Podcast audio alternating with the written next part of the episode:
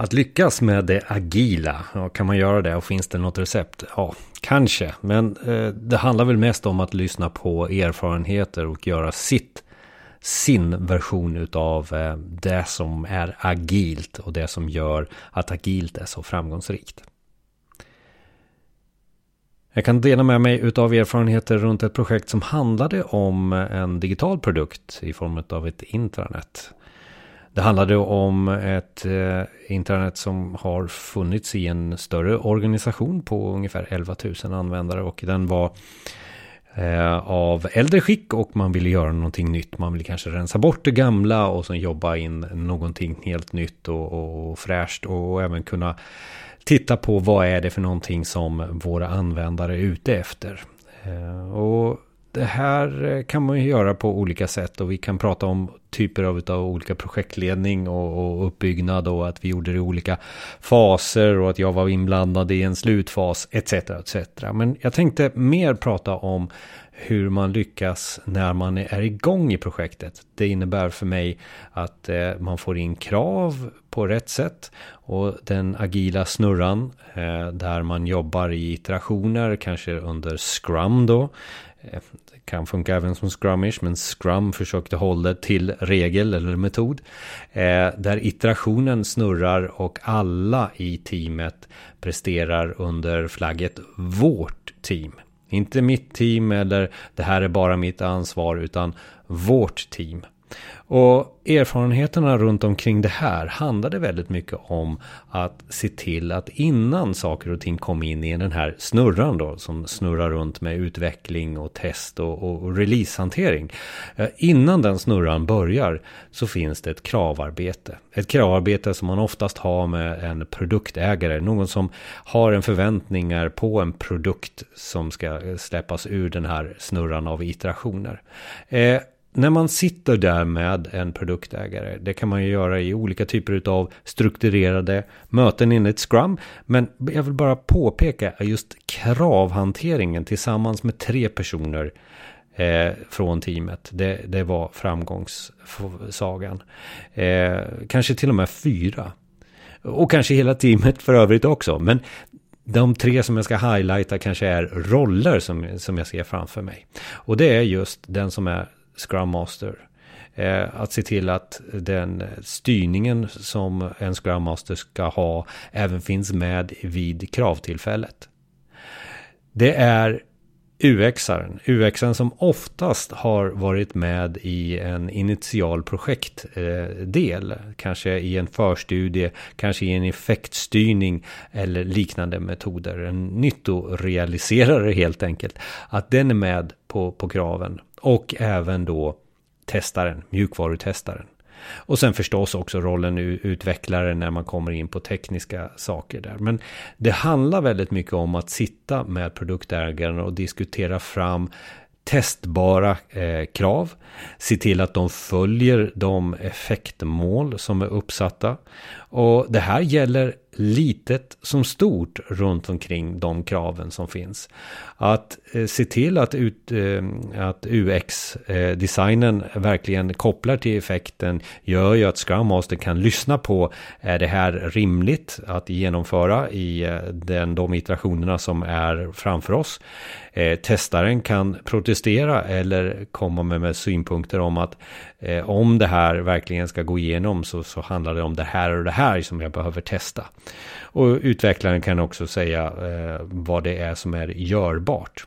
Och i den här kravbearbetningen kan man göra det i flera faser. Man kan göra en initial, bara en bakåtlutat möte där det inte behöver vara så mycket commitments utan det handlar mer om att diskutera hur stort är det här kravet. Och utvecklarna eh, jobbade vi med eh, olika skjortstorlekar till exempel. För att, att prata om skjortstorlekar utifrån vad som ska göras eh, och de kraven som finns kan handla om eh, ganska stora saker som ska göras ibland. Som man själv kanske inte vet om man inte är tekniskt kunnig. Eh, och då är det skönt att höra någon säga, att det här är en large. Jaha, det trodde jag inte. Eh, och då kan man prioritera och då kan man också kravarbeta bättre i eh, arbetet runt omkring eh, kravet. Så skjortstorlekar är en sak som, som kan vara bra att eh, definiera när kravarbetet eh, är pågående.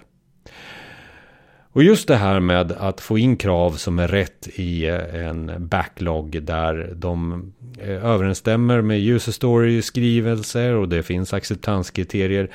Ja, det är då det, det härliga jobbet börjar i iterationerna. Följ eh, den scrum-metoden som du gör och du har ett bra eh, mötesförfarande i form av eh, dagliga avstämningar till exempel. Men se också till att eh, få och, och, och bulla upp den här testaren i, i iterationen. För det är testaren som är den som sköter polisarbetet i, i eh, iterationen.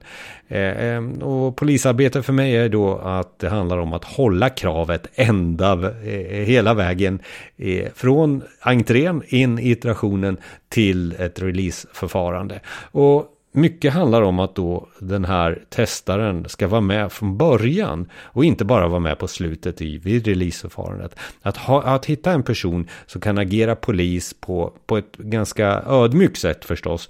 Men då får du en bra releasehantering runt omkring det här då. Det här är bara några tips som, som det handlar om. Men, men kravarbetet är viktigt och iterationerna, att ha någon som följer upp kraven, det har också visat sig vara någonting som är en framgångssaga för mig när jag jobbar i, i ett agilt eh, arbetssätt.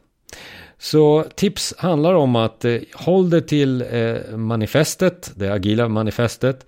Se till att jobba med till exempel retrospektiv, för då kan man på ett sätt i gruppen högt och lågt skapa en kultur eh, att det är okej okay att eh, komma med synpunkter, det är okej okay att göra fel, det är okej okay att höja rösten när det gäller olika typer av eh, synpunkter som man har på de kraven som kommer in.